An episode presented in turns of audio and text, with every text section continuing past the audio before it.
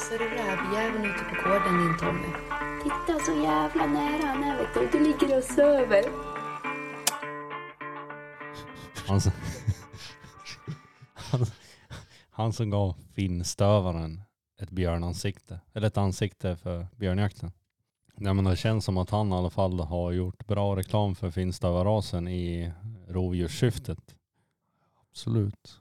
Ja, fy fan. Nej, men det är roligt att så många lyssnar på podden ändå och att den är med på topplistan på Spotify och, eh, och det är många som har gett eller gillar och gett betyg på Spotify så att ja, skitkul.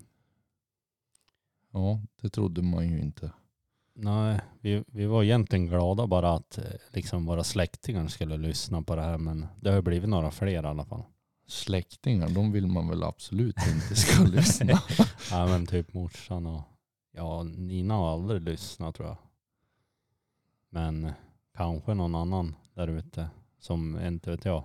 Lillsyrran. ja, ja, någon i alla fall. Ja. Det börjar ändå närma sig nu jakt och jag tänker att när det här avsnittet sänds så är vi ju inne i augusti och björnjakten nalkas. Och Och det gör ju även rävjakten då eftersom det är samma datum. ja, det är samma datum men förmodligen kommer vi jaga räv den 21 augusti, så är det. Ja, har vi ingen björnuppslag så då jagar man räv. Ja, precis. Men om vi så fort vi får ett björnuppslag, då byter vi kläder och försöker göra det bästa av situationen och se om vi duger till. Ja, Det, det blir intressant. ja det blir intressant att se. För vi har ju lite ett annat utgångs- utgångsläge än i fjol. Gen, genom att dina hundar har ändå presterat. Så de har visat att de skäller björn och de gör det ganska bra. Så att har de gjort det en gång så kan de göra det fler gånger också. Och då kanske man, det är tid, alltså det är lovligt och då får man ju skjuta. Ja, är det jakttid och på rätt jaktmark så får man ju skjuta då. Om det finns tilldelning. Ja, precis. Vi ska vara noga och kolla på det och att vi inte har startat i förväg av någon konstig anledning. Jag vet inte om det var lördag eller när, när fick man börja? På söndag tror jag. Det beror på Höllsjön kanske har annan ja. ja, start. ja, det är en annan tidszon där tror jag. Det Ja. gynnar alltid mig i alla fall. Ja, jo men så. Nej, men jag kom på en rolig grej, alltså en typ en tävling. Av alla som, jag tänker nu när ni går ut den 21 augusti och framöver och lite före om ni gör något roligt. Om att ni hashtaggar rovdjursjägarna på Instagram. Och av de hashtagningar, den som har kanske enligt oss den bästa bilden kommer att vinna någonting. Jag vet inte vad, men eh, det blir en rolig grej i alla fall. Så om ni är ute och jagar, hashtagga rovdjursjägarna. Så får vi se vad vi gör med det. Men eh, ni kommer bli väldigt lycklig. Och det var ju att lova för mycket. Ni kommer i alla fall få något. Någon av er. Får får alltid något. Men nu ringer vi Stefan Lindström så ska vi se om han har fått något roligt på senaste.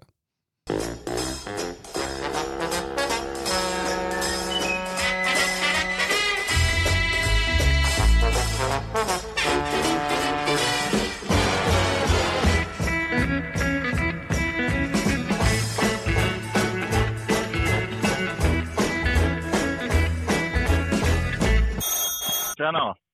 Ja, tjenare. Det här var Tjena! Rovdjursjägarna podcasten med mig Tommy och Petrus. Och idag ska Ja. vi prata lite grann med dig då, Stefan här och du är ju en rovdjursjägare som har syns lite grann på filmer och grejer och du har jagat mycket med finstövare har vi ju sett och men du kan ju först berätta lite grann hur kom du in på jakten överhuvudtaget? Ja, jag är uppvuxen med det från det har funnits hela mitt liv. Liksom. Farsan har jagat extremt mycket. Så, så jag är liksom uppvuxen med det. Du vart inte avskräckt eller något sånt där då, utan du fick följa med. Ja, ja, ja. typ från fyra, år, fyra, fem års ålder så har jag varit med. Det är väl klart att vissa perioder kanske har varit lite dippar, men jag har nog varit med mest hela tiden. Ja, precis. Men eh, vad har din pappa jagat då? Är det något annat än just björn och räv? Ja, han har väl jagat allt tänkte jag säga, men det var ju mycket hare, rådjur och älg. Mycket älg. Har han också haft hundar eller är det något som du har kommit på själv då eller? Nej, han, eh, vi har haft hu- hundar i familjen alltid när jag växte upp. Både stövare, drevrar, vad heter Norrbottenspetsar, jämthundar och någon gråhund var där. Ja, exakt. Men eh, när fick du upp ögonen för rovdjursjakten och var det redan då med farsans hundar eller var det senare? Jag har väl alltid varit intresserad av just räv, men det var ju det var lite eh, vak och lite sånt där hålla på med då när jag var ung och, och sådär. Men sen skaffade jag en terrier och så jagade en jävla massa grävling som en idiot överallt. Sen eh, började jag på tycka det var lite jobbigt att gräva så jag tänkte man ska ha en stövare som man får in och rävar istället. Så det var väl så. Vad kollade du på då, då när du köpte stövare? Hur kom du in på liksom vilken sort och sånt? Jag håller på att kolla på något skille för jag jagar lite med någon, en kille som hade några jävligt bra skildrar. För övrigt en av de bästa rävhundar jag har jagat med. En skilletik. Men eh, att det vart någon finne istället. Sen har det fortsatt så. Hur gammal var du då när du skaffade den finnen då? 25 kanske. Där någonstans skulle jag kunna tro. Och det är ungefär 15 år sedan eller vad blir det? Ja, närmare 20.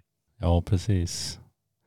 Men när du hade skaffat den, jagade den också björn eller hur kom det in på de större rovdjuren? Ja, eh, när första, första rävhunden jag hade, den hade jag typ på foder. Eh, och då vi sköt en björn för henne också. Nej, men det var väl... Men det började väl på komma lite filmer och var, Rasmus var mycket i jakttidningarna och grejer då. Liksom. Ja, men för 20 år sedan. Det var då det började på gå riktigt bra för han. Och, och så man vart väl lite inspirerad av det där. Började jag prova med älghundarna mina och allt möjligt där och försöka jaga björn från början. Men dels så finns det inte så mycket björn där jag bor och sen ja, så hade man ju inte en jävla blekaste aning om hur fan man ska göra heller. Så.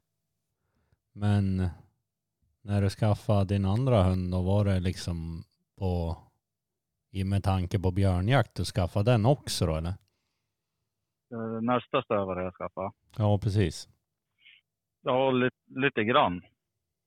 Ja, men den tiken visste jag hade skällt björn några gånger. Men egentligen en harhund, tiken, eller både tiken och hanen som jag tog en valp ifrån. Men han sköt rätt mycket björn och allt möjligt för. Är det samma blodslinjer du har idag som på den hunden eller har det Nej. ändrats? Nej, det har ändrats. Sen, sen mitt i den där vevan också så fick jag ta över. Ja, men nu är vi väl framme för typ kanske 15 år sedan. Då. Så fick jag ta över en hund, som en import från Finland, som det var rena rävlinjer i. Som, som jag tog över när han var, om tre eller fyra år eller någonting. Han jagade ju liksom Ja, men han jagade eh, björn första gången jag provade. honom. Eller jag provade inte heller, utan han tog upp en björn helt enkelt och jagade den självmant utan att, ja, när jag var ute och skulle jaga räv. Och lika gjorde han med lodjur och så. Och det var ju då, då jag började förstå att jag hade liksom någonting som fungerade. Helt plötsligt. Men vad hette den hunden då? Och vilka blodslinjer var den? Den, eh, ja, men det, är li, det är lite samma i, i han som med de jag har idag. Han var efter Talluksen Pauke och längre bak där är Kasteri och där är de andra jag har idag också. Hur har de, de, nu, de du har nu liksom, hur har de varit på björn? Har de liksom gått och varit intresserade direkt och ungefär vid vilken ålder och sånt? Direkt och direkt. Ja, men i, i princip så jagar ju alla hundar björn. Eh, en gång i alla fall. Sen kan det ju, kan ju den där första gången bli för mycket åt dem så de inte tycker om det sen. Men, så det gäller ju att försöka eh, försöka göra den där första gången till en positiv upplevelse.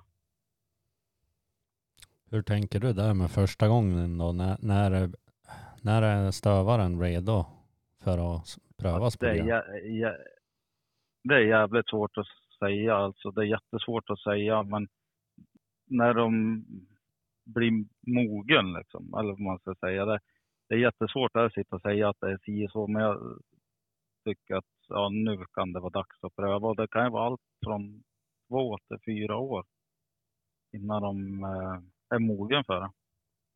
För, för eh, jag tycker egentligen så innan de är om det är först när de blir där någonstans runt fyra år, fyra, fem år som, då, som de är, är mogen för det.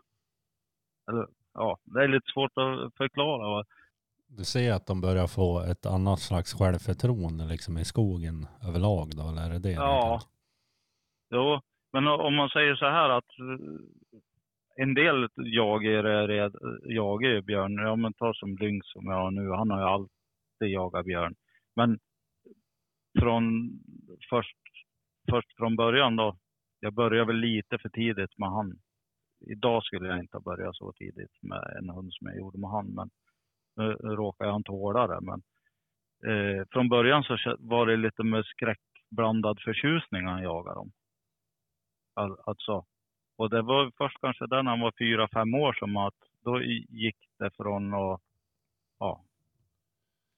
ungdomlig, jagar med ungdomlig dumheter. så och helt plötsligt tycka det var jättekul. Så i, idag så skulle jag nog tro att det är det vilt han föredrar. Eller han föredrar att jaga djur han kommer ikapp och, och ser. I, i, idag liksom. Så att han väljer både björn och lo före, före räv.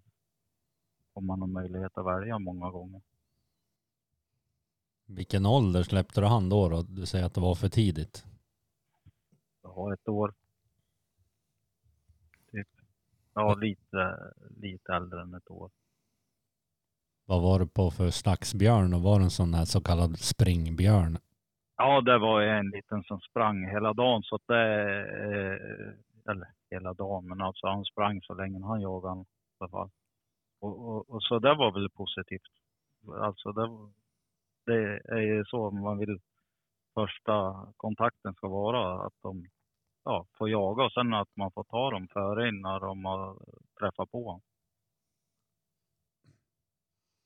Ja, precis. Men har du liksom släppt en ung hund och den har blivit liksom fronta den här, alltså den, den har stannat björnen och vad är det som har hänt då för dig? det, det är lite olika. En del väljer att gå därifrån och en del, en, en del tål det och en del eh, ja, kan bli så att de ligger där och satelliter lite runt omkring utanför. Han bara cirkulerar och en del tvärvänder och kommer tillbaka. Men det kan ju även äldre hundar göra. Men och ofta nu när jag försöker jag kan ju släppa så här unghundar eh, idag också. Men ofta då är det om vi har haft en jakt. Och så ja, har man ju spåret på, på pejlen. Och när jakten har passerat två vägar så kan jag åka och släppa en, en uh, unghund i, i spåret på, på den första vägen och så åker jag och plockar den vid den andra vägen så att det inte ska, ska vara någon risk att han kommer ikapp. Nej, precis. Men har du haft någon hund som har blivit alltså skrämd så att han inte har jagat björn också? Ja, jag har, eh, jag har en nu, eller han jagar fortfarande ibland när det passar han. han har haft lite otur han. Typ varje gång han har varit med så har det blivit skadeskjutningar och, och sura björnar liksom. Så, men eh, han jagar, ja ett tag så la han ner det men han, han kan jaga nu i, ibland. När, när det passar han liksom. Jag vet inte, han har någon sån här förmåga att känna av att den här björnen kommer bli surande och skita ner det. Men sen om det är en, en springare eller om man är i lag med lynx till exempel, då kan han skälla hela dagen. Hur många hundar har du nu då? Eh, jag har tre stövare, en terrier och så, så hämtar jag en stövarvalp på söndag igen. Vad är den, din, din nya valpen där, vad är den för linjer? Ja, det är samma som jag har. Det är lynx som jag har som blir, eh, vad heter morfar åt han. Och så är det hane, hanen vi pratade om nyss som vart skrämd, det är han som är far. Men vad är ditt största misstag när du, om vi säger, som du gjorde som ung och oerfaren?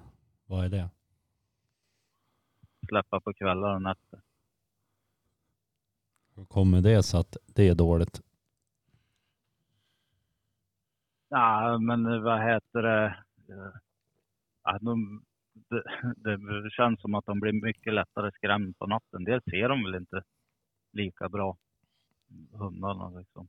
De ser bra i mörker men inte tillräckligt bra för att det där ska vara en bra idé. Liksom.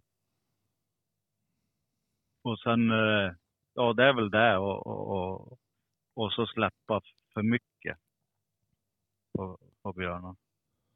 Det är bättre med kvalitet än kvantitet. Det det är i alla fall de slutsatser jag har dragit. Vad är kvalitet för dig då? Ja, men det är ju att släppa när, när det finns chans att det blir skjutet. Istället för bara torrträna.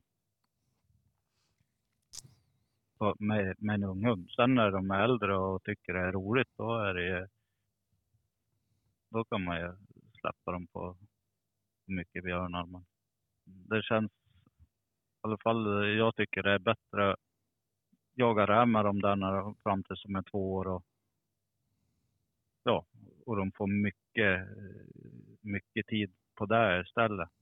Och sen, så, ja men om man har någon liten lämplig eh, björn tänkte jag säga. Det är inte så jävla lätt att veta alla gånger, men om man kan misstänka det och släppa med dem då på, på björnjakten på någon som man tror kommer springa. Så får de vara med där och så förhoppningsvis så blir den skjuten i något pass. Och då blir det ju en jättepositiv upplevelse istället för att träffa på någon som är lite halvsur och, och kanske blir botad. Ja, precis. Vad heter det? Vilken är den största fördelen du ser med att använda en stövare kontra en spets vid björnjakt? Jag vet inte. Jag har jagat med jävligt bra spetsar också som i- princip så en, tycker jag att en bra björnhund så spelar det ingen roll vad det är för ras så- gör de samma sak. Och det är ju att de, men det känns ju som att det är lite lättare att få en stövare och, och ta en lång spårning än eh, en spets. För de är inte lika benägna att gå, ta upp någonting i vind. Så det är, Det lätt, det är lättare att få liksom, så att det inte blir en annan slags jakt då. Ja. Sen, eh, sen- kan det ju ha korsa ja, diverse djur över björnspåret som de byter till även en stövare. Men det, det, känns, det känns i alla fall som det är lättare att få dem att ta, ta ett spår och hålla sig till, till det spår de blir släppt på. Men nu, jag har ju inte själv haft just några spetsar som jag jagar björn framgångsrikt med. Så jag har ju sett spetsar som eh, tar slag jättelångt och gör det jättebra. Men jag, ja, det är i alla fall vad jag tror att det är, är fördelen med, med stövarna. Men sen att jag har finstövare, det beror ju på att de kan jag använda till allt. Istället för att jag ser mig inte själv att ha tillräckligt mycket björnjakt på en renodlad björnhund. Utan tycker jag det är bättre att kanske förlora någon, ja att det inte lyckas vid något tillfälle då på björn. Men i gengäld så har jag jakt hela säsongen med samma hundar liksom, och de får jaga mycket. Om du jämför en finstövare med typ en plotthund, då, vad är det för skillnad där? Som, alltså din erfarenhet, vad är det för skillnad? Ja, är de bra så är det väl ingen större skillnad. Den stora skillnaden är att det är fan så mycket roligare att jaga räv och lodjur med en finstövare än med en plott. Eftersom de är ju i regel så fruktansvärt spårnoga så att har katten eller räven hoppat över en sten så kör de ju fast där. Det är inte riktigt så, men i princip. Kom, far de upp en klipphylla eller någonting så är det ju inte många plottar som kommer på idén att slå en ring eller. Utan då blir de ju ståendes där och hjular och så är det inte så roligt att jaga räv och lo kanske. Men som björnhundar så finns det ju många som är ruggigt bra alltså. Den bästa björnhunden du har jagat med? Ja, jag vet inte. Jag ty tycker den här eh, plotten som Rasmus har nu, Bull, den, ja, han är... Han kommer nog bli bland de bästa jag har jagat med i alla fall. Han är ganska ung än, men han gör jävligt bra saker. Jag har ju varit med när han liksom har tagit upp björn på två och en halv mils spårningar fågelvägen. Och sånt blir man ju jätteimponerad utav, men sen är det väl, det blir inte så mycket jakt den dagen för det är ju inte något annat än att åka och koppla dem för två och en halv mil kan man ju fan inte gå. Eller? Inte ens Rasmus?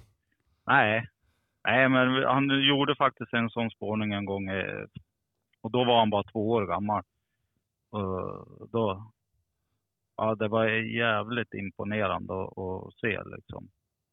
För det var mycket krångel på vägen och han gick igenom flera älgjaktslag och, och grejer och, och så plocka upp med björnen. Det, det var, ja.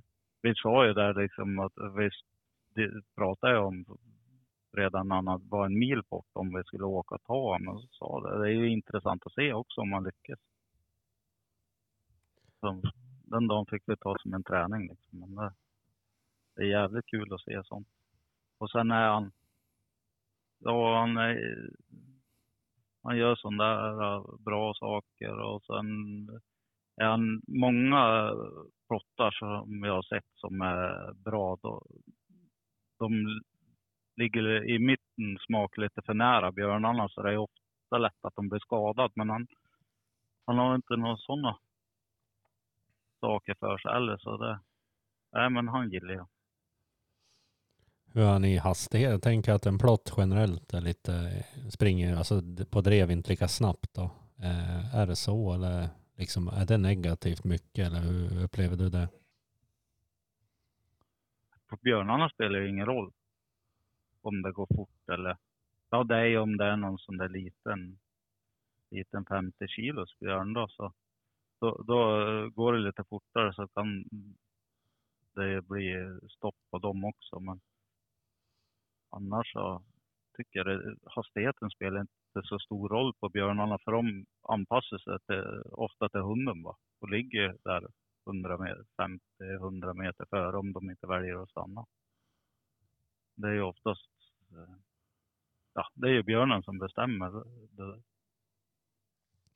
men om man frågar Rasmus så var ju hans absolut bästa hund, det var ju Blaser, men du säger ju inte Blaser. Nej, jag tycker Bulle Blaser var jättebra. Men grejen var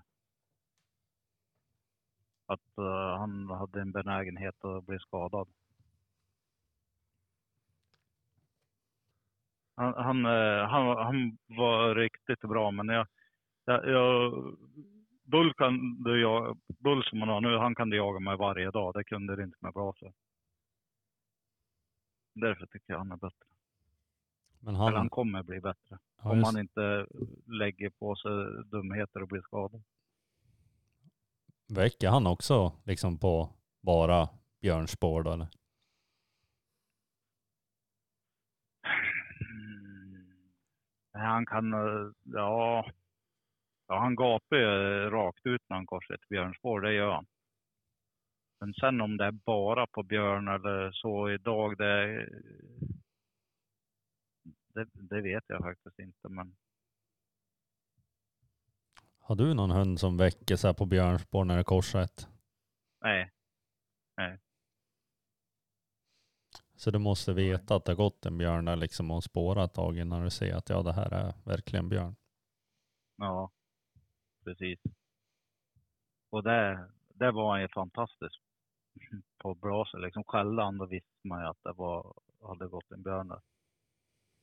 Och då var det ofta jag- att du släppte någon av dina också. Ja. Det, det, det, det var ju mycket så, just på grund av det där att han... ja, ja, men i regel dog inte björnen i första skottet, så då vart ju han skadad. Så han var ju... Han ville ju inte så gärna släppa han, utan då fick ju den där stackaren gå och banda bara jämt. Det är klart det hände att att, han, att vi släppte han, men han fick spåra rätt på en björn och sen så åkte han in i hundgåpan igen. Ja, kanske inte han vart så jävla nöjd. Nej, han måste nog tyckt att vi var de största idioter som finns. han, Men, ja, och han tyckte helt tvärtom, ni, om han. ja. Nej, men alltså han var, han var jättebra. Men nej, jag, jag, jag hade hellre haft Bully om jag skulle få välja av någon av de två. Men är det efterblaser den? Ja. Ja, vi säger att det är 21 augusti och du har, ska släppa någon av dina finstövare på ett spår här. Hur går an på det och vad tänker du? Ja. Jag försöker se att de verkligen fäster i spåret.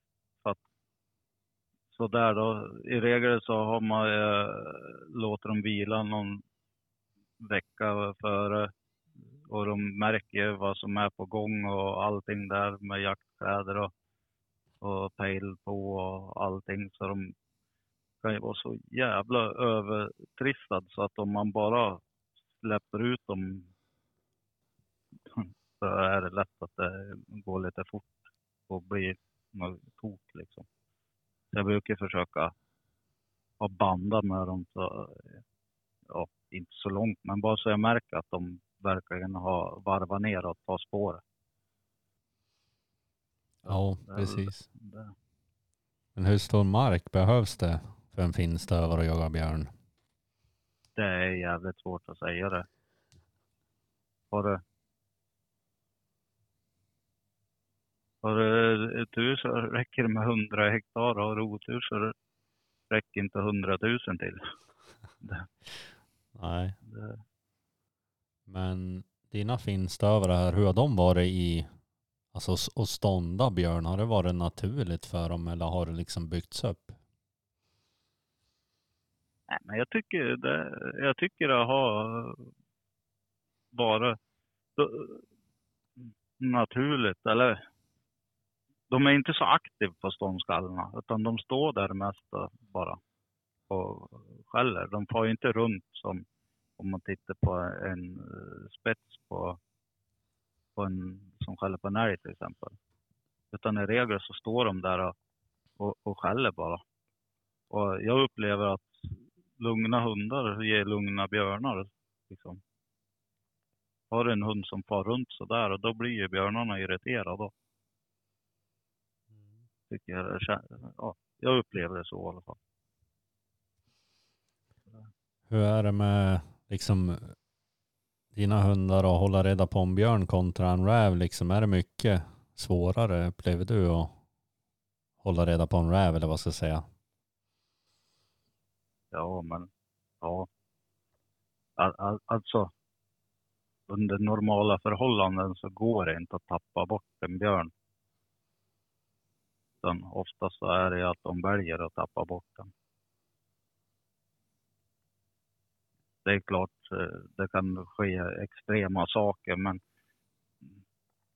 det är ändå liksom 100 kilo dynghög som lämnar en doftkorridor som är flera meter bred. Så det ska... Ja. Jag tror faktiskt inte... Ja, de jag har haft och har som jagar björn riktigt bra tappen tappar nog inte bort en björn. Utan då väljer de att, att ge fan i det av olika anledningar. Ja, hur eh, resonerar du? Lägger du upp prägling och så på något speciellt vis nu när du till exempel får hem en ny valp? Eller tar du det senare? Nej, men han, kom, han kommer få vara med på, på björnjakten och, om det, och sådär. Och förhoppningsvis om det blir något skjutet så kommer han få vara med där. Och, och ja, få positiva upplevelser. Bara. Sen är jag inte sådär något extrem och har något björnskinn i, i hundbädden och sådana där grejer. Men de får vara med bara och ja, när man är glad och sådär uppe i björnarna. Jag vet inte om, jag, om det ger så jäkla mycket egentligen, men jag försöker ha dem med på sånt där. Bara. Sen blir det lite spårträning typ nästa sommar kanske. Måste välja en annan slags stövarras än finstövare. Vad skulle det vara? Ja, jag vet inte. Ja. Jag har ju haft foxhound också. Det beror ju på vad man ska jaga med dem. Men som björnhund vet jag inte. Då kanske det har blivit en plopp. Ja. Ditt arbete inom Länsstyrelsen, är det något roligt inom rovdjur eller vad är det ungefär? Om du kan berätta. Ja, men det är ju inventering. I, i, inventering av våra, våra rovdjur. Och så är det väl kanske n- något skrämsel och några skyddsjakter ibland. Kommer, kom- kommer du besikta björnen också? Eller? Ja, ja till, till viss del. När jag började, jag, jag har ju anställning nu på 50 procent. Just för att det var ju några grabbar som tog över kåporna här. Ja, precis. Så, jag, så när jag fick det här jobbet, då ville de ha en som, som kunde börja så fort som möjligt. För jag har även en del skötsel av naturreservat och, och det är mycket sånt på sommaren. Så jag sa jag kan börja med omedelbar verkan på 50 procent. Och, och vad heter det, jobba med kåporna 50 procent.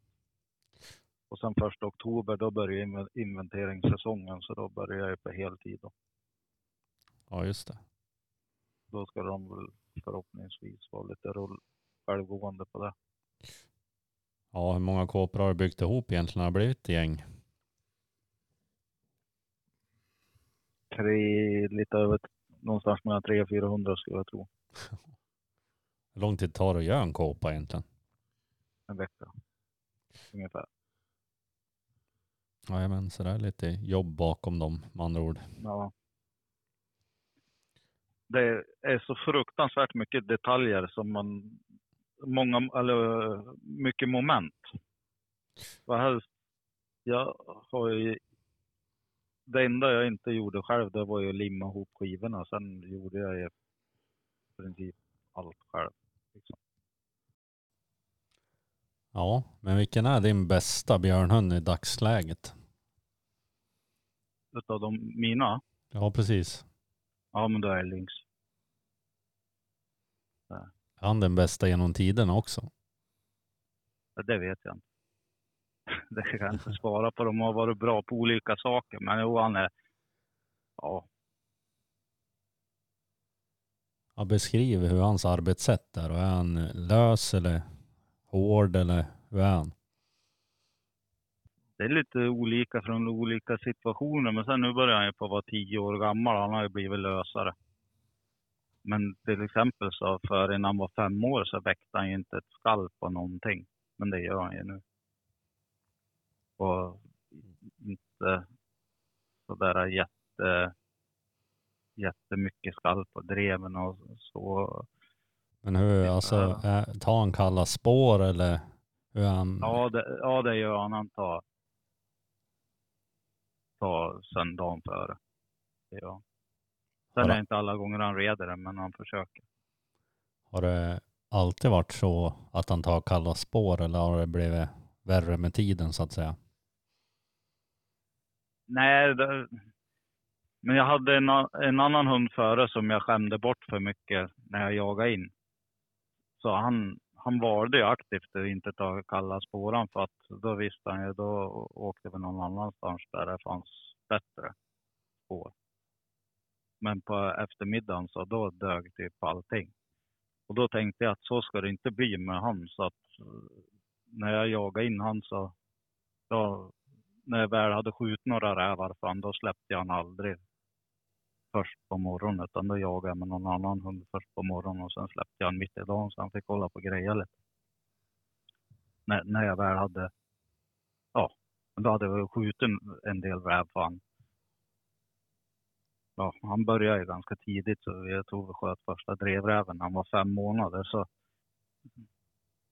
jagade vi på så med han ett tag och sen eller jagade jag på så med han ett tag och sen tänkte jag att han ja, att jag inte skulle skämma bort honom utan då fick han komma lös där vad heter det, framåt 10-11 var tidigast. Hur har han varit på klöv då? Ja, han har jagat både älg och rådjur och grejer och, och men jag ska väl inte säga att han har varit något extrem utan det är väl som alla andra stövare. De har väl lite svårt att veta vad de ska jaga för när man har visat dem det. Ja. Men, Men sen ja. just det där med att jag började för tidigt med han på björnarna. Det, det var ju, vart jävligt lätt när han, han kanske jagar björn två timmar bra. Så här när, vi, när jag håller på att träna man. Och, och sen vart det lite för jobbigt så då gick vi alltid hitta en älg och jaga skit nu. Men sen kunde han ju liksom Ja, när han eh, märkte att jag varit förbannad på honom och kom och jagade han där när han hörde bilen då så då kunde han sluta jaga den där innan och gå tillbaka och jaga lite björn igen. Men det var väl ett sätt för honom att rensa huvudet. Men det vart för jobbigt. Men hur upplever du när, när, när det blir så att hunden lägger av och jagar björnen? Är björnen kvar ganska nära där då ungefär eller hur brukar det vara där? Ja, oftast. Oftast. då, Om, om det har varit en ensam hund som har jagat björnen och så eh, vad heter det, kopplar man den eller den byter till något annat så i regel inom en kilometer. Ibland bara några hundra meter. Och ibland rent av på ståndplatsen. Om man går dit igen så ligger han där och trycker. Det beror på. Har det varit ett ståndskall och hunden går därifrån, då är det väldigt ofta han ligger kvar där. Men är det på drev eller gångstånd så där, då kan man flytta sig en bit. Vad är din bästa jaktdagsminne här angående björnjakt? Det är också lite svårt, alltså det, det, det är svårt men en bland de roligare jakterna, ja det är bra många år sedan nu, så var en kille, ja en kompis som ringde och sa att jag tror det har varit en björn här. Så ja, jag hade inget annat för mig så jag for dit och, och släppte där och så det var en hund som hette Bull som vi sköt rätt många björnar för. Så jag släppte han där och han, om han slagade på där några två kilometer kanske så vart det upptag och stånd upptaget. Mitt i en nerblåst contorta kanske två kilometer från väg. Och ja, alltså det var så jävla tätt med nerblåsta som det contortatallar där. Så vi, vi var ju inne på ståndskalle där. Men jag sa till den här killen att du får skjuta det. Så, du får skjuta den här björnen. Jag tänker inte skjuta den. Så. så var vi inne på ståndskalle och, och ja, jag, hade, jag hade, vi hade läge där inne men vi insåg liksom på två man och sen såg jag ju då att det är bland de största björnar jag har sett. Så jag vet inte fan, vi har liksom inte fått därifrån honom på något vis. Så, så jag sa det till honom, vi provar att stöta honom istället. Se om, han flyttar sig till något lämpligare ställe. För i regel som det stora björnar, de, och som är bara en hund, då, då blir det stopp igen ganska fort. Så vi stötte den och då gick det iväg gångstånd och vi gjorde en lov där och så då sa jag till den här killen att vi, vi springer ner här för när vi hade gått upp där så hade vi gått över några ganska stora hyggen. Och så var det bara en liten tarm med skog emellan. Han, han kommer där så vi sprang ner dit och, och där kom han jättefint över men han hade inte riktigt tänkt med han så han låg 60 meter bakom mig han, och inte hade något läge så då släppte jag han över där för skällde han på mig och frågade varför han inte sköt Men då sa jag det, jag sa, sa i morse att du skulle få skjuta. Liksom. Så när vi gick sakta, sakta gångstånd så, ja, så krokade han tillbaka. Sen, så han kom tillbaka på nästan samma ställe men fast eh, över vägen. Så då var han med dit så då fick han skjuta den där 306 kilo. Så, det var riktigt roligt. Ja, det är den största som har fällts för dina hundar. Ja, som har fällts. Men vi har sövt en på som var större i fjol vår. Som, ja, jag spårade upp med hund och släppte så de gick in med helikopter och sövde den på, på ståndskall. Och den vägde ungefär 320 då på våren. Var det i fjällvärlden det var? Nej, eh, mellan Ljusdal och Kårböle. Är den död tror du, eller finns han vid liv? Nej, nej han lever. Han, han lever. Ja, spännande. Att möta Han brukar, gå, han brukar gå på en turiståtel där, eller en sån här. Så jag vet han har varit där i, nu i, i vår och sommar här. Annars finns det väl inte så många stora kvar, eller hur är det? Upplever du det? Jo, nu finns det, finns det en del eh, stora, men det, ja, det är väl som med, med älgar. Det är inte så, så det är jättegott om de där största, finaste. Men nog finns de. Tycker det skjuts ju alltid några 250 och så där varje år. Ja, hur är det i Västernorrland? Hur är det på björntillgången där? Har du någon överblick över det ungefär? Men på de ställen där jag har varit så, så tycker jag den är god alltså. Det, det finns områden med riktigt, riktigt bra med björn där. Sen finns det väl ställen där det är mindre också. Kommer det lite mer utåt kusten så är det sämre, men där är det även i Gävleborg. Vart är det mest björn nu egentligen? Om vi säger vart är den största ökningen? Har du någon känsla över det eller vet du det? Ja, Jag skulle, jag skulle tro att det är i området om vi säger ja, Edsbyn, Ljusdal, Färila. Ja, där Kårböle i, i det området. Jag skulle säga att Los ligger i centrum då. Typ. Utav där det är absolut mest, jag tror. Vart är din hemmark när det gäller björnjakten? Är det någonstans där, tänkte jag, eller Hudiksvall där du bor? Nej, det är, vad heter det, Kårböle, Urkölen. Det är väl där, där jag jagar mest björn. Och det är det både på Gävleborg och Jämtland. Så jag vet inte.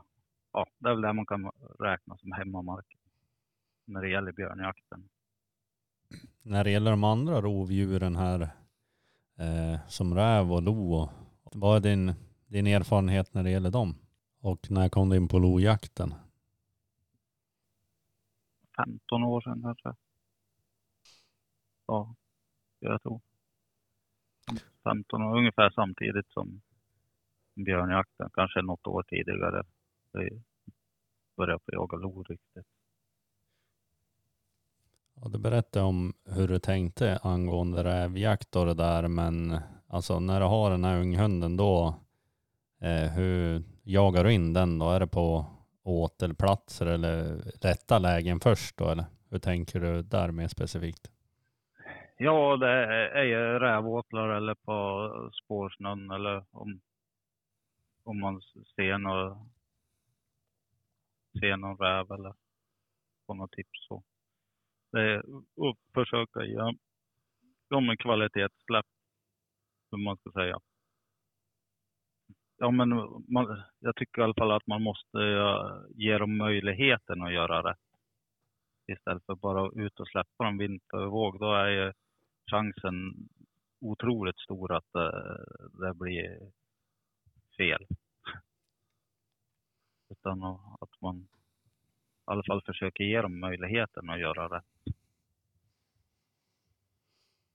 Det jag tycker är rätt. När, när ungefär försöker du göra det lite svårare för dem då? Är det liksom andra hösten eller, eller redan första? Det, det beror ju lite på hur, hur de utvecklas och så det också. Men eh, ja, om man har en men om man har skjutit några rävar och de driver bra och så där, då kan man väl försöka se om hon klarar av att lösa en, lite, lite spårningar och så där också. Även fast hon är under året. Ja, den viktigaste egenskapen på en björnhund och en rävhund, är det ungefär samma då eller? Ja, det är att de ska ta upp dem. ja. ja, sen så bara de jagar så är det, alltså om de vill så håller de reda på den där björnen och räven, så är det ju. Ja. Det är det och mycket sitter ju, i alla fall vad jag tror, det, det, det sitter i viljan hos dem. Ja men de flesta hundar känner nog doften efter det där spåret som är 12 timmar gammalt. Men sen kanske de inte tycker det är värt att lägga ner någon energi på det. Nej, det var lite grann som Reino Unosson sa här i föregående podd vi har haft att den viktigaste egenskapen hos en rovdjurshund det är ju jaktlöst och jaktlöst och jaktlöst. Eller de tre viktigaste. Ja. Det har ja, huvudet på spiken. För det andra brukar väl lösa sig hyfsat då i alla fall. Ja, men, men det är ju, ja men det, det mesta sitter ju om de tycker det är värt att lägga ner den där energin eller inte. Och, och är man, ger man dem alldeles för lätta uppgifter, eller vad jag ska säga, om man skämmer bort dem med fräscha spår hela tiden, då, då väljer de nog aktivt och ja men, ja men om vi tar den som vi pratade om förut, så, som inte tog så gammal för att jag skämt bort den. Utan var man där och provade några spår på morgonen som man tyckte var för gammalt, då, då tittade han på en bara. Så gick den och ställde sig bakom bilen och tyckte att vi skulle åka någon annanstans. Och jag tror det liksom är lätt att, att det blir så om man skämmer bort dem för mycket. Hur är liksom söket på dina finstövare generellt? Alltså hur har det varit? Hur, hur de söker efter slag, alltså vilket avstånd från dig då eller vad ska jag säga? Ja, men det har väl varit lite, lite olika. Så allt från några hundra meter till så att eh, man släpper dem och sen letar de tills de hittar ett slag. Så, Vad tycker du är bäst då? Är det någon- någonstans mittemellan kanske? ja, ja. Och det är inte så jävla spännande att, släppa någon heller som man bara dammar iväg och sen plockar upp en räv i nästa kommun. Liksom. Det, det är inte så jävla roligt alla gånger.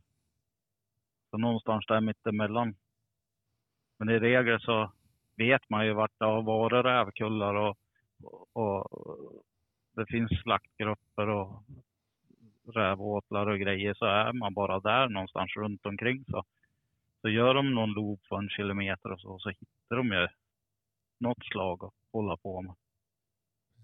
När det gäller val av terrier eller hur, hur tänker du där då när du köpte den och vilken sort vart det tänkte jag säga? Jag har haft lite olika. Just nu har jag en foxterrier. Äh, försöker väl se eh, på föräldradjuren hur bra de är. Och vilka, e-, ja, vilka e-, egenskaper de har. Om det är liksom, om de fungerar så som jag vill ha dem. Eh, jag vill ju helst inte ha någon förliggare nu för tiden. Det känner jag mig ganska klar med.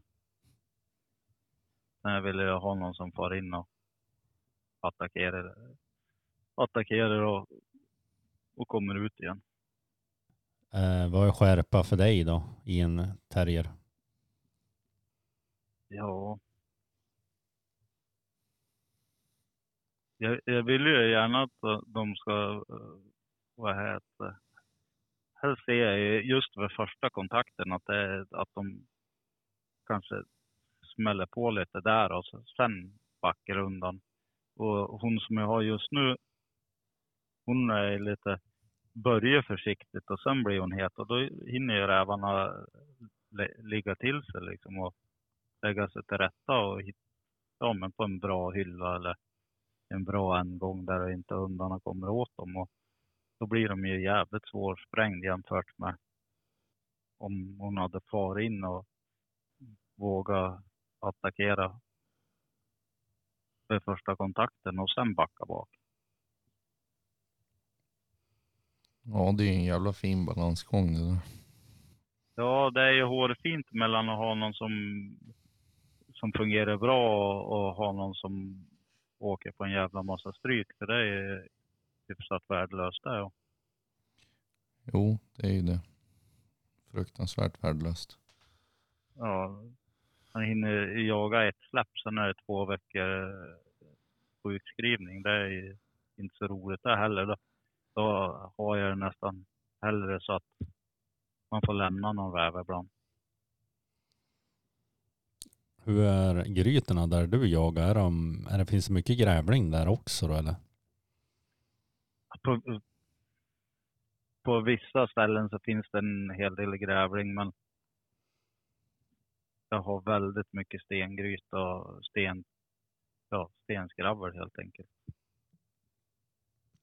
Och då, en del är, är ju skitlätt sprängd och en del är det jävligt svårt för hundarna att ta sig fram. Det är klart det finns några fina, fina sand och jordgryt här också, men inte så jättemycket. Hur upplever du det här, eh, och, eh, eller det här, men eh, och att rävarna kan använda de här skitgryten till flykt och så sen har de finare där de bor eller hur man ska uttrycka det.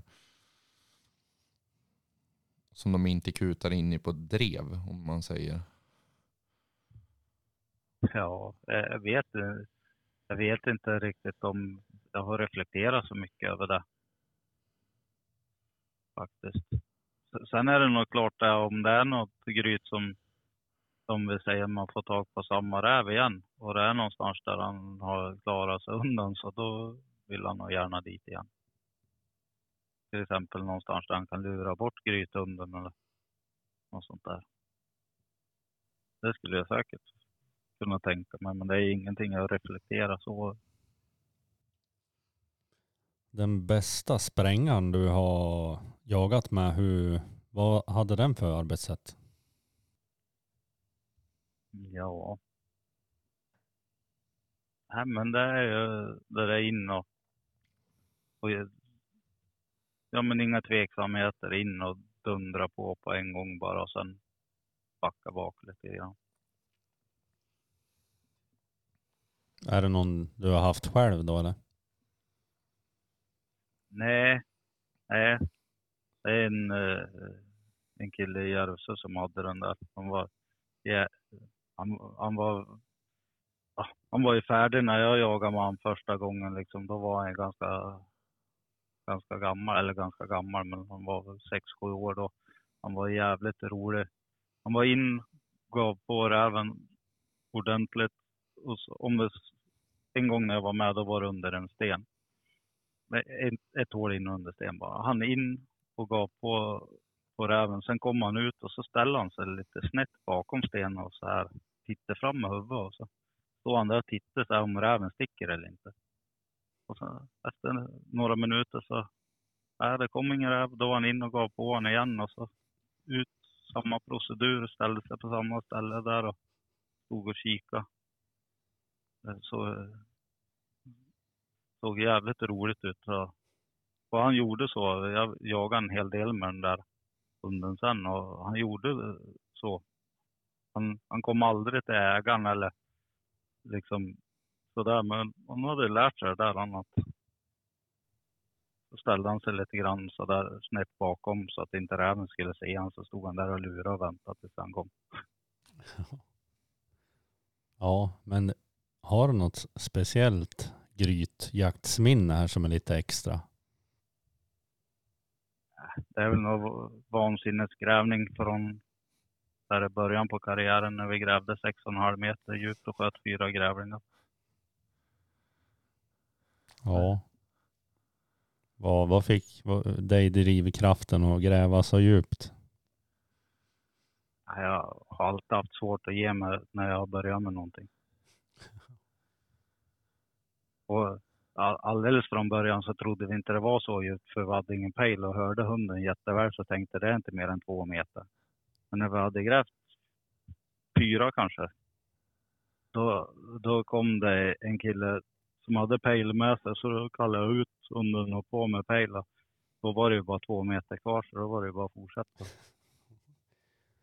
Hur lång tid tog det? Åtta timmar.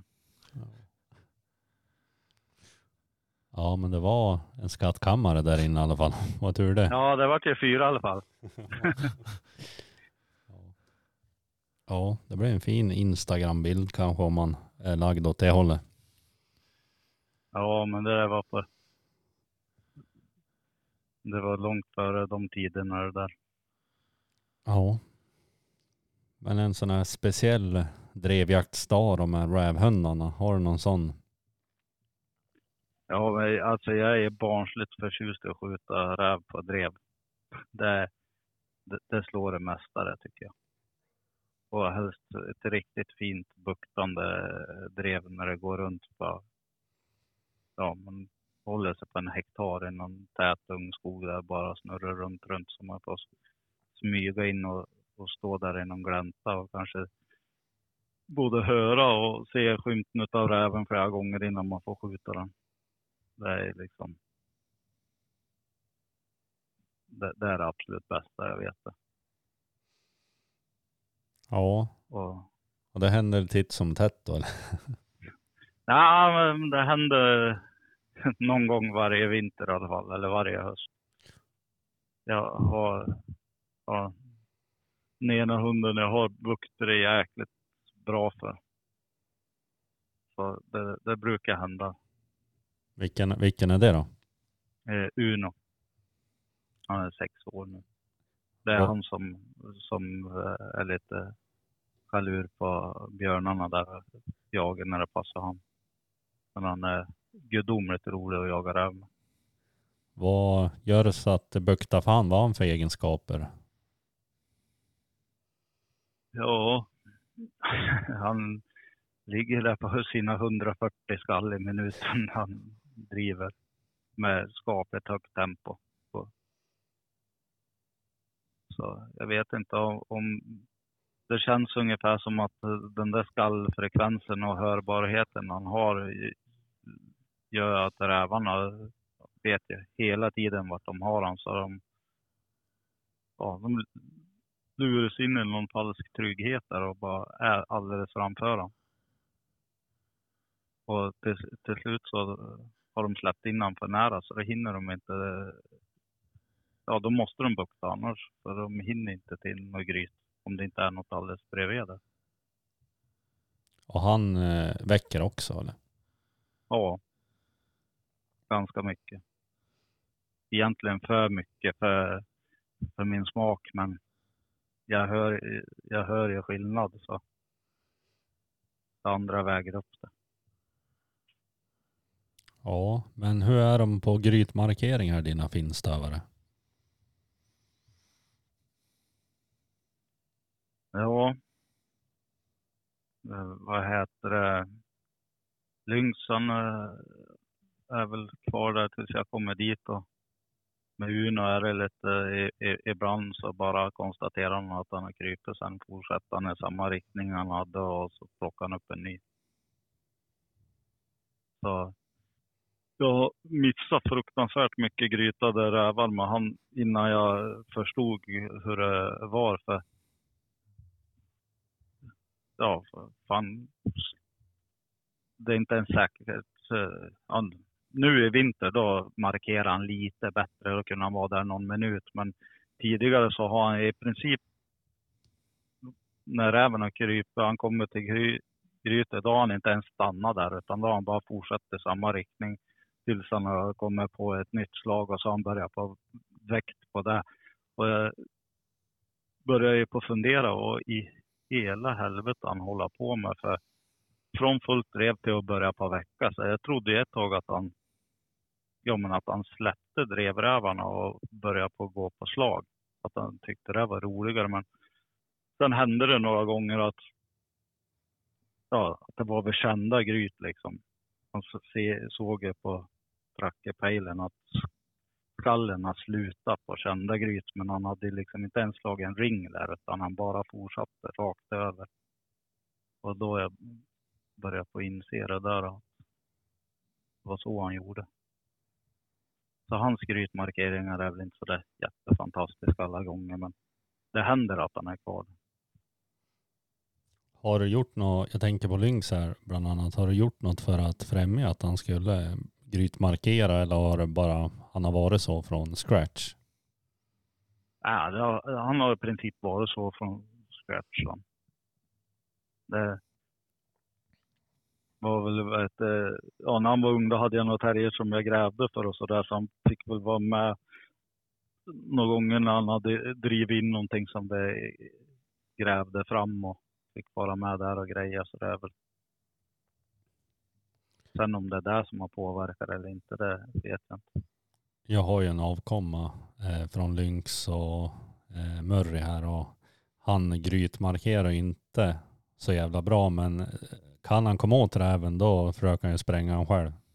Ja, Annars, Jo, men det är väl ungefär så det är på Lynx. Han, han är där och provar och inser han att, eh, att eh, ja, men kan han inte gräva eller tränga sig in eller så, då kan han gå därifrån. Men i regel så är han ju där och försöker komma åt det här.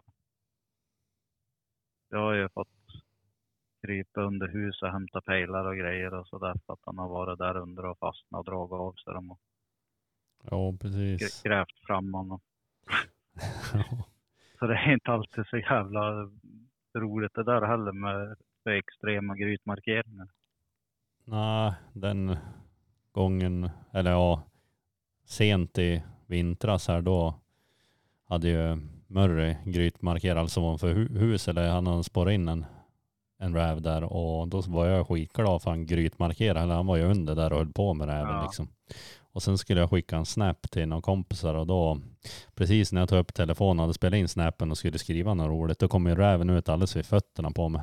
Och då Ja. vart ju kalanka när jag skulle bara skjuta med aimpointen och- som var avslagen eller drillingen och ja, det vart väl. Ja, vi fick ju den räven sen tack vare några gryttaxar där.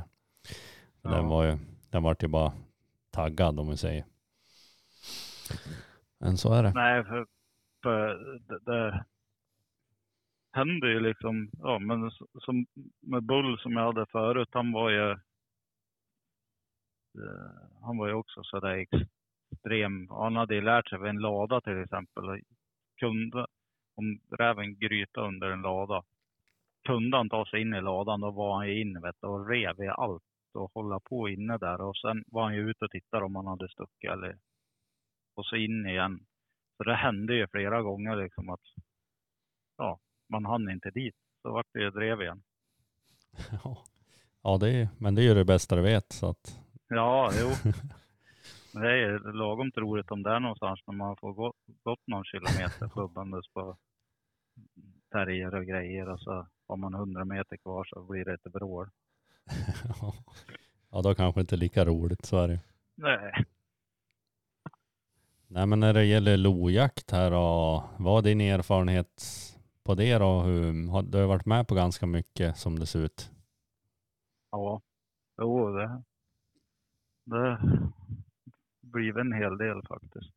Det gäller ju det där. Men eh, vad är det för egenskaper som du upplever behövs då? Ska de gå tyst på slag? Eller vad, går det bra annars ändå? Vad är din Nej, erfarenhet? Det, det, det går bra, bra. Det beror lite på vad du är ute efter också. Om det handlar bara om att, att skjuta dem så fort som möjligt så är väl kanske optimala en, en uh, hund som går tyst på slag och sen är snabb av helvete. Så eh, då, då blir det ju ja, ståndskall på backen eller gryta eller upp i ett träd relativt fort. Men uh, det är samma sak där. Jag tycker uh, för min egen del så tycker jag det är absolut roligast att, att skjuta dem på drev. Sen, sen är det ju- det är ju roligt med hundar med, som gör bra vad heter trämarkeringar och sådana grejer. Men eh, jag skjuter dem gärna på drev. Helst i ett riktigt styggt berg där det, man får klättra upp och ställa sig där och lura i branten någonstans. Ja men hur är det på dina hundar? Markering i trä, har de det naturligt eller hur är de så? Ja, inte alla. Eller som den yngsta jag har, Boy, som är fyra år, han, han, han är, gör klockrena trädmarkeringar och sådär. Eh, Uno och Lynx, och, ja Lynx kan skälla ibland. Om man sett dem klättra så, så då står han där, kvar där och skäller. Annars så ser man ju i regel att det blir jättetäta ringar på pejlen. Det blir tyst och så blir det jättetäta ringar. Så, får, så är de där liksom och letar men de har inte riktigt fattat att de sitter i träd. Ja. Men hur mycket jakt behöver en stövare? Det har vi inte berört. Så mycket som möjligt. Kan aldrig bli för mycket nästan om andra ord. Ja, det är klart det kan bli för mycket så de blir helt slut. Men alltså när du jagar räv så 10, 11 dagar i sträck, det, det funkar det. Med vissa hundar, vissa hundar tål det inte. Men Men hur är det med dina? Jag tänker, som Murray är ju väldigt lätt i kroppen och ganska liten. Är dina också det då eller? ja, det är så jag vill ha dem. Annars blir det skada. Ja, jag håller med. Det, vet du, man har ju sett de här kalvarna på 35-36 kilo. Ja, de ser de ser ju roliga ut tänkte jag säga. De ser ut att vara snabb som fan och så men de håller ju inte. Nej. Ja, det finns ju egentligen ingen fördel. Nej. Ja, Någon ska dra vagn då. Ja, Bra pojke. och även om de är så där stor och hög. Det, ja men det, det går inget fortare i snön för det. En liten stund kanske. Sen är det i slut. Nej, nej men det är sen, nej exakt. Sen syftet men frågan hur mycket jakt det krävs det är väl lite det här också. Folk begriper inte att man måste lägga ner en fruktansvärd tid. Men alltså tre dagar i veckan är egentligen för lite det för en stövare. Ja, jo, det är ungefär vad jag har sagt. Det är minimum också. Eller resonerade Ja. minimum. men hur jagar du lor? Är det liksom mycket ringning eller är det ett, hur mycket lo finns det där du brukar jaga mest om vi säger så? Ja men vi har, har rätt gott om de här hemma. Det har vi. Vi skjuter några varje år. Eh, runt omkring här. Och det, det är väldigt beroende på vad det är för spårförhållanden. Men är det här på hemmamarken då slår jag aldrig en ring utan då släpper jag på nattspåret bara så får hundarna göra jobbet. Eh, beroende på vart jag har spåret så är jag ganska bra koll på vart de brukar ligga. Liksom. Om man är på, på okända marker så och med mycket passkyttar och sådär så då är det då är ju ringningsarbete A och O för att lyckas. När du har hittat det färska lospåret, hur svårt är det för en hund mentalt och jag vet inte fysiskt tänkte jag ta det spåret liksom. Är det lättare än rävjakt att ta det men kanske lite svårare mentalt? Ja, eh, I alla fall jag har fått uppfattningen alltså att, eh, att det luktar mycket mer av katterna än av en räv. Och de tar äldre ja, har de jagat lite lodjur så tycker de, verkar de tycka det är väldigt roligt så de är mer motiverade att ta ett lodjursspår än, och, än rävspår. Sen om, om det är som, det är klart, men det är ju inte alla katter som stannar och fronter och, då krävs det kanske lite mer mentalt men annars så tror jag det känns som att i princip de flesta rävhundar kan man jaga lo med. Du har inte fått någon hund skrämd av lo? Nej.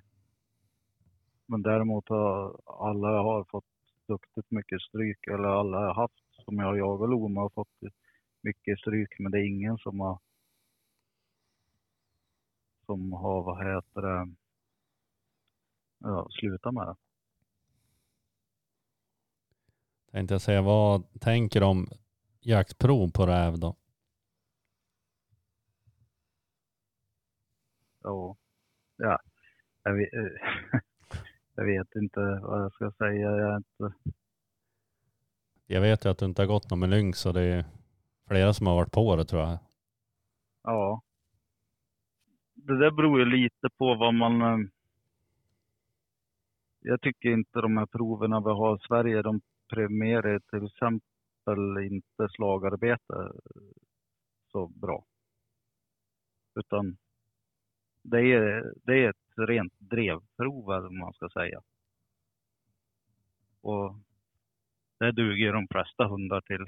Och det är det andra som är mer intressant att och, och plocka upp räv utan jättebra förutsättningar.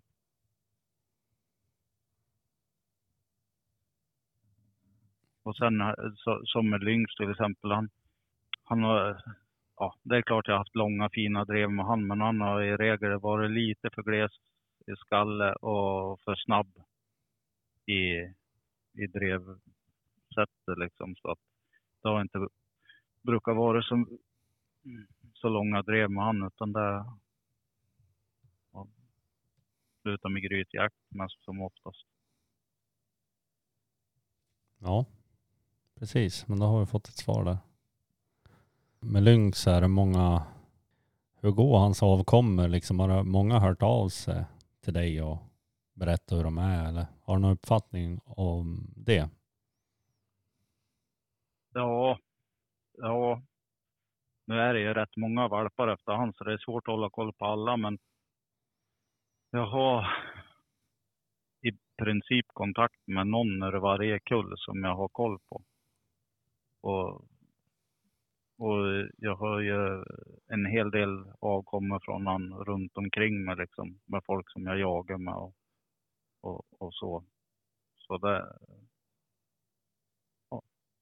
det skjuts en hel del djur för de där hundarna i alla fall. Jag vill bara säga, jag är ju nöjd över Murre här.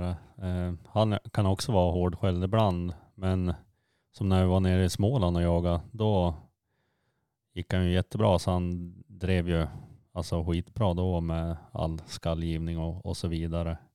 Och även när vi var i Heby gjorde han mycket bra jobb. Sen Ja. hemma lite tidigare på säsongen, helst då kan han vara lite för tyst. Men eh, vi har också tänkt att det kunde också ha varit, oftast när han närmar sig en väg. Vet inte varför, men om man tror att jag ska ta honom eller inte, är så svårt att säga. Men oftast skäller han på hyfsat bra. Ja. Så att han är jag nöjd med. Vad, ligger han på i skall ungefär på drev? Ja, vad kan det vara? Det är under hundra i alla fall. Det är det. Ja. Sen har jag gått en etta med han och då fick han ju 61 egenskapspoäng och han var, alltså han skällde på bra då hela dagen och då, dagen innan så drev han ju räv i, ja minst fyra timmar, jag tror nästan fem, hade han ö, uppe räven hela tiden och då skällde han också på liksom bra. Men eh, ja, det är, jag är nöjd av att det är min första stövare. Ja. Sen så är han helt, eh, alltså han väcker ingenting. Så att man vet ju då, också att nu är räven på benen. Ja, precis. Ja. Sen- är det många, i alla fall utav de hundar jag har haft och så, så börjar de på vecka mer när de blir äldre. Få lite lägre skalltröskel. Som, som jag sa, Lyngsan väckte ju inte ett skall förrän han var fem år. då. Och det var ju lika med Kim där, tror jag var. Typ när han var fem år så började han på veckan. Ja. Det enda jag har gjort är väl att släppa han när han var ett år. Det var lite dumhet på en björn och den var ju stor och frontade. Jag tror den jagade hundarna. Så då gjorde jag bort mig lite grann. Det är lätt hänt. Ja, det blir, det är, ja. Det är jävligt svårt att hålla sådana. Men liksom, det är mycket lättare om man har, har man en eller två andra i hundgården som redan jagar så då har man inte lika bråttom med det. nej, Det är precis. lättare att hålla sig då. Men har du jagat några andra rovdjur med dina hundar? Jag har jagat en del varg. Har vi gjort. Har du haft någon framgång på den fronten? Ja, ja absolut. Det, jag tror Uno här, jag tror han var med på fyra eller, ja, fyra eller fem i vinter. Licensjakten.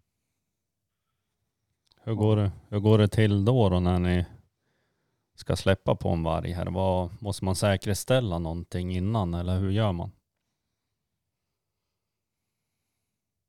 Ja. Det där är...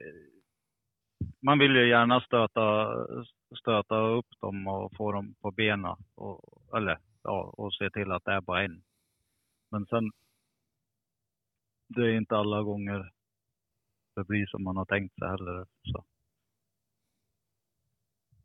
Är, det en meter djup snö och så, så då kan man lätt eh, ändra beslut därifrån och gå upp dem till att ja, men det går ju fortare om hundarna spårar upp den. Men det, det brukar ju gå bra. Men sen det är, man har ju man har ju ändå en eh, risken finns att det händer någonting där. Eller, och risken är ju större med vargarna än de andra rovdjuren. Att, ja, det slutar riktigt dåligt. Men släpper ni en eller två hundar då eller hur? Nej, två eller tre. Ja, Det beror, det beror lite på hur besluten är utformade på, på vad heter det, ja, licens eller skyddsjaktsbesluten eller så. Det står ju i dem. Och det kan ju skilja sig mellan län och, och så. Nu tror jag det har blivit lite mer enhetligt, enhetligt de sista åren. Men eh, det, det kan skilja sig lite där om det får använda två eller tre hundar. ja precis. Jag så aldrig en hund med andra ord. Nej, då, då ökar riskerna rejält. Men det händer ju ändå att det blir en ensam hund ibland. Har du varit med om Mm. att det har blivit en konfrontation så att hunden har blivit skadad under vargjakt? Nej, in, inte, inte någon av mina, men jag har ju hört kompisar och så som har varit med om det. Men inte jag. Vilken är den roligaste jakten och du som har utfört lite olika rovdjursjakter? Alla har ju sin charm. Men jag föredrar eh, rävjakten när jag måste öva det. Det är liksom... Det, det är Formel 1. Ja, något vi glömde att fråga eller ta upp när vi pratar om terrier. eh, Hur tänker du på injagning av terrier och vad tycker du är viktigt att, att börja med? Lydnad. Att, eh, ja. Kunna kalla in dem liksom. För när man ska försöka eh, få, det är inte alla som har det där eh, helt naturligt att, att bryta. Så då kan man, har man bara bra, bra inkallning så kan man ju försöka lära dem att bryta i alla fall. Men sen är, är man inte så jävla konsekvent, konsekvent i det där själv så det är inte alltid lika bra lydnad som jag vill ha på dem. Från vilken ålder ungefär tycker du hon kan ta kontakt under jord? Men runt, runt ett år kommer jag prova om det är något. Sen beror det lite på hur, hur, om de känns jävligt valpiga och fjantiga och så. Då, då väntar jag längre. Men annars så runt ett år så. Om det är något, något känt som ett enkelt gryt eller en lada där jag vet, vet att det brukar gå lätt liksom. Och det kan till och med finnas möjlighet att hjälpa dem lite. Ja. Men eh, de andra rovdjuren som järv och eh, mård här, eh, har du jagat något sånt då? Ja, eh, just nu har jag ingen hund som jag kan säga jagar mål direkt aktivt. Men eh, jag har haft det tidigare. och- Så det har jag jagat lite grann. Inte så det otroligt mycket, men en del. Och järv det är väl mest ofrivilligt tänkte jag säga. Finns det mycket Ja. järv i området där du jagar? Mycket och mycket, ja nog finns det.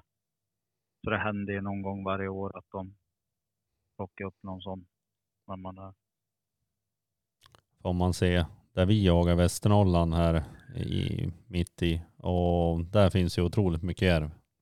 Ja, jo men och det är ju inte så fasligt långt eh, hem på mina marker därifrån. Sen beror det på, är man ute, och jag jagar en del ute vid kusten. Där är det ju ingen, i princip ingenting, men om jag jagar här hemma och lite inåt här så då finns det en hel del. Ja. Eh, är det någonting mer du vill säga om just rovdjursjakt med finstövare här?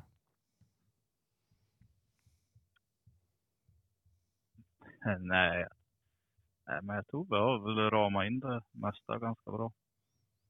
Ja, Om inte ni har, har några mer funderingar. de bra funderingarna kommer man ju på efterhand. Så att, Ja, jo det är så. Om tio minuter så sitter jag där och så här och undrar vad fan sa jag inte där. Just, eh, om vi säger, jag kanske pika 2014, 15 någon gång där med, i, vad heter det, sociala medier och grejer. Eh, Att jag var väldigt aktiv då och, och, och saluförde mig och, och grejer och visa. Liksom jag insåg ju ganska snabbt där att ja, när man skjuter första björnen får man ett grattis. När vi skjuter andra så är det grattis. Vid tredje då börjar de på ifrågasätta det och, och lägger ut fjärde och, och femte och sjätte samma höst. Då blir det missundsamhet. Då börjar jag på att dra öronen åt mig liksom. Och ja, då kanske inte, kanske inte eh, synas så, så mycket. nej, det, det har sina för och nackdelar och ja, jag har inte känt någon nackdel än förutom någon gång någon, liksom någon jag kände till och med på fyllan skrev liksom "Ah, hur fan kan du vara glad över att har skjutit en drevräv liksom. Jag tänkte Ja, vad fan, väl, alltså det är väl klart som fan att man är glad liksom. Eh, eh, Och det är ju så med det där. Det, det är klart, eh, om, om man skulle bomba ut, eh, inte vet jag, men om man skjuter 30 rävar på en säsong. Om du lägger ut allihopa där. Och det kommer ju bli folk som är blir missunnsamma och avundsjuka. Så är det. Men sen, ja, 30 rävar kan uppfattas som jävligt mycket på en säsong. Men har jag jagat 100 dagar den säsongen, då har jag haft 70 dagar det inte har gått lika bra. nej. Och det är ju det också Och, och att, de ja. syns aldrig. Nej. Nej, så är det också. De flesta jagar inte hundra dagar på en säsong. Det är det inte folk förstår liksom. Ja, Eh, jag och Petrus jagar ju ganska mycket. Eh, så är det ju. Nu är, har ju inte vi, vi skjuter inte några jättemängder räv heller, men jag, upplever att vi har ju svåra gryt också. För att jag menar, Ja. det kommer någon som är i stort sett 100% hit från Småland. Nu jagar inte han svinmycket där, men varenda gång han har försökt så har de sprätt ut direkt. Och här fick han väl ut, var det två av fem eller något sånt där. ja, Så att det är mycket, bero, alltså hur mycket man skjuter det är ju också hur mycket man ids gräva eller eh, ja, vad det är för slags gryt också. ja. Eh, Och, och, sen är- det, är det alltid sanningen du ser där på de sociala medierna. Liksom. Det, Nej, en del skarvar nog lite, så är det ju. Men det här med, jag att ta upp det, det här med filmandet, liksom, hur kom du in på det? Hur liksom teamar upp med Rasmus här? Ja, men det var... Ja, jag vet inte det riktigt. Eh, ja, jag hamnade väl på samma jakter och något tag där med med vad heter det, ja, björnjakten och så. Så började vi på... Jag filmar väl en del ibland före, men sen började vi på att jaga mycket i lag och, och då blir man tvungen att ha en kamera när man är med han tänkte jag säga. Fast han brukar skälla på mig. Han säger, vet du, du och Per-Ove, ja, en kompis land där hemma i Älvdalen. Eh, ni gör det här för att reta mig. Ni har aldrig batteri i kameran, ni glömmer att slå på den. Eller glömmer den i bilen eller fan. Ni gör det bara för att retas med mig, så. Ja. Ja, är det så eller? Nej, men det är alltså jag jagar inte för att filma. Och det gör ju inte Rasmus heller. Han, men han har ju till viss del levt på det och det har inte jag gjort. Liksom. Så, för mig har det inte varit något viktigt. Utan det har ju varit viktigare att ha haft en bra jakt än att få en bra jakt på film. Så, ja. Men då blir det lätt att man inte slår på den eller det har inte varit prio helt enkelt. det känns det som att det är en sund tanke för det liksom ska inte kunna ta över liksom upplevelsen att man måste filma. Nej, eh, nej. Man skulle aldrig falla mig in och släppa en bra skottchans för att, för att jag inte har kameran på. Liksom. Det, det skulle jag aldrig göra. Men var det du som lurade in eller vad man ska säga Rasmus här och ta en valp efter dina hundar? Det var, hon var ju med och jagade en hel del med lynx där då. Och så det en, en bra parning så då sa han frågan om man kunde få en därur. Ja. Och den har väl gått bra vad jag kan förstå. Ja, han, han gör det bra. Det gör han. han är, han som han sin också- far? Han, han är nästan lite hårdare. Han är lite hårdare i skallen, men annars påminner han väldigt mycket om han. Det gör han. Ja, han är riktigt bra. Ja. Men nu ska vi ställa några snabba frågor som är ett, krävs ett lite kortare svar kanske. Så eh, finstövare eller plotthund endast till björn? Endast till björn så hade jag, om det bara handlar om björnjakt så skulle jag ha tagit en plott. Jag tror chansen är större där att få en renodlad björnhund. Hårdsköld eller lös? Det, det, ju- ja, jag har ju båda delarna och de är bra på olika saker men fick jag bara ha en hund då och skulle fortsätta jaga alla djuren eh, som jag, ja men alla rovdjuren så tror jag nog jag hade haft en hård. Ja, nio och tre eller sex och en halv? Ja, den som passar bäst i stocken. Rävjakt utan terrier eller utan stövare? Utan terrier. Ja, drilling eller bock? Drilling. Ja, där har du redan svarat på det här med björnjakt eller rävjakt. Ja, rävjakt. Ja, med spårsnö eller inte då?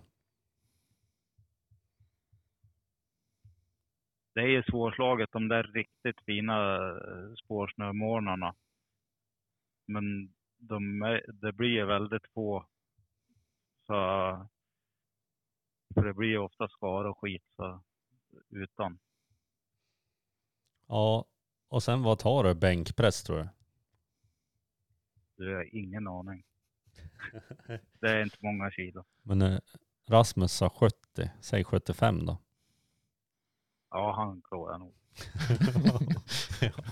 ja, men ja, skitroligt att prata med i alla fall. Det var, tack för att du Ja, ville vara med. Ja. Får hoppas ni får till något vettigt utav det bara. Det tror jag nog han kommer få. ja, men jag är säker att det, det, det, jag tror många kommer liksom uppskatta det också eftersom att du inte har varit med så mycket i poddsfären här. Jag har inte varit med någonting, det är första gången. Ja, precis. Tack för att vi tog din oskuld. Jaha, den bjuder jag på. ja, precis. Ja. Ja, men, Nej, men jag, det, är, det handlar väl om det. Jag har ju liksom hållit en lägre pro- profil de sista åren. Liksom. Och det, det känns som att alltså, vi har ju fått väldigt bra respons och, där, och de som lyssnar på oss de är liksom väldigt intresserade av just rovjakt. Och det, ja. Så att jag, ja nu släppte vi ett avsnitt med Rasmus. Får se om vi får en bredare publik. Men annars har det verkligen varit sådana som brinner för just rovdjursjakt då. Ja. Ja, nej, men det där. Sen, sen förmodligen så kommer jag inte lyssna på avsnittet själv för jag avskyr att höra min egen röst.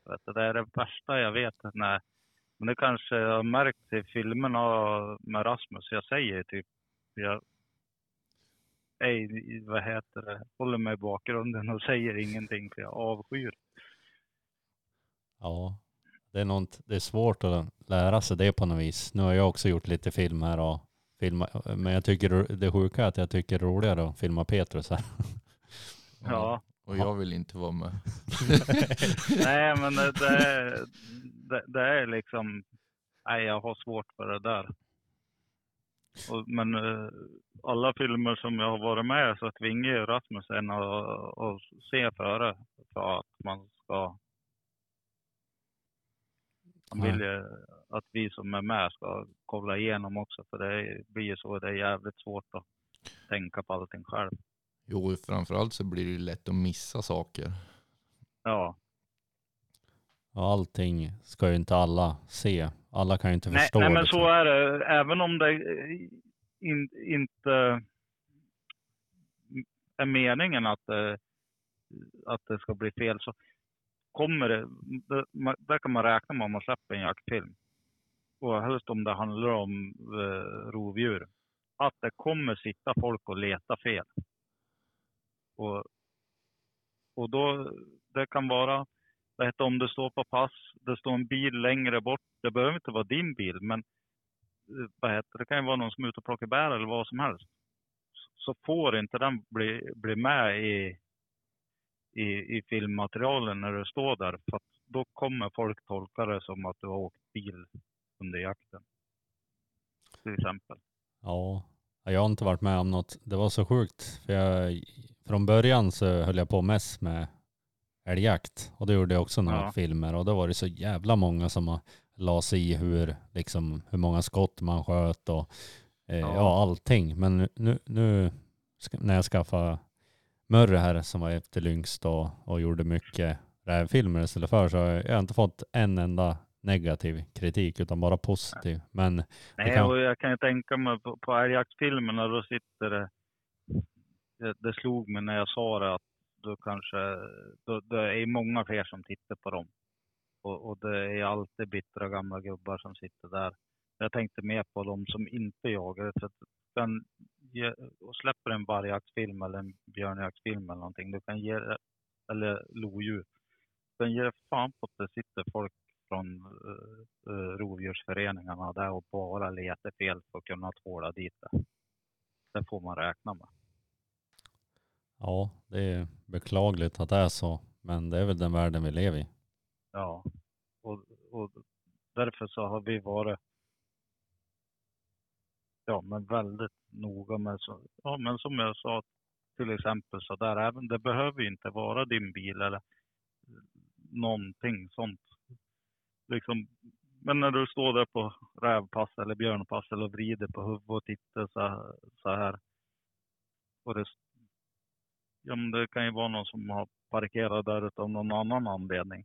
Och blir den med i, glimter förbi i, i, strax före innan du skjuter, vet du, då, ja, jag är helt övertygad om att då skulle det bli något liv om det. Ja, det är bra att tänka på. Nu har inte jag lyckats med någon björnjakt än, men jag ska tänka på det. Nej, men, men det är sådana där grejer liksom. Att, och, och sen om det blir några skador på hundarna eller något sånt, att man inte visar det. Jag tänkte precis säga det. Det där är någonting som jag vet inte hur flummigt det egentligen är med grythundar. Jag har aldrig Ja. fått en skada på min grythund, men då kan den ju inte ha varit ner i ett gryt. Nej, så, är, så är det i alla fall. Det är klart den kan ha varit ner, men det, det risken är ju väldigt liten känner jag att den har gjort något rätt. Jo, exakt. Sen, sen eh, för mig, jag räknar det inte som en skada om det, det blir ett hugghål liksom i läppen eller så. Det, det, Nej, alltså det ska kan, det bli. ja, ja, men alltså kan man alltså jaga utan att det är någonting, då är det ju inte en skada för mig heller. Det är liksom, Nej, jag har ju varit med om att en av hundarna liksom, ja men, alltså har skrapat huvudet i, i liksom, igång, alltså skavsår om man säger. ja, Ja, det är och- rätt vanligt när de ligger och Ja, fäller i ja. stengryt. Ja, För de dunkar kan stå dunka sig flint liksom. Jo, jo, men exakt. Men det är ju liksom, vissa får man ju för sig, oh, men det här är ju en skada. Ja visst, det är ett skavsår. Ja. Ja, Ja, det låter bra det. jo. Nej men ni får ha det så bra grabbar så. Ja, Ja, men tack detsamma och skittrevligt att du ville vara med. Ja, Ja, fan ja. Ha det bra så hörs vi. detsamma. Tack, hej, hej. hej. Hej.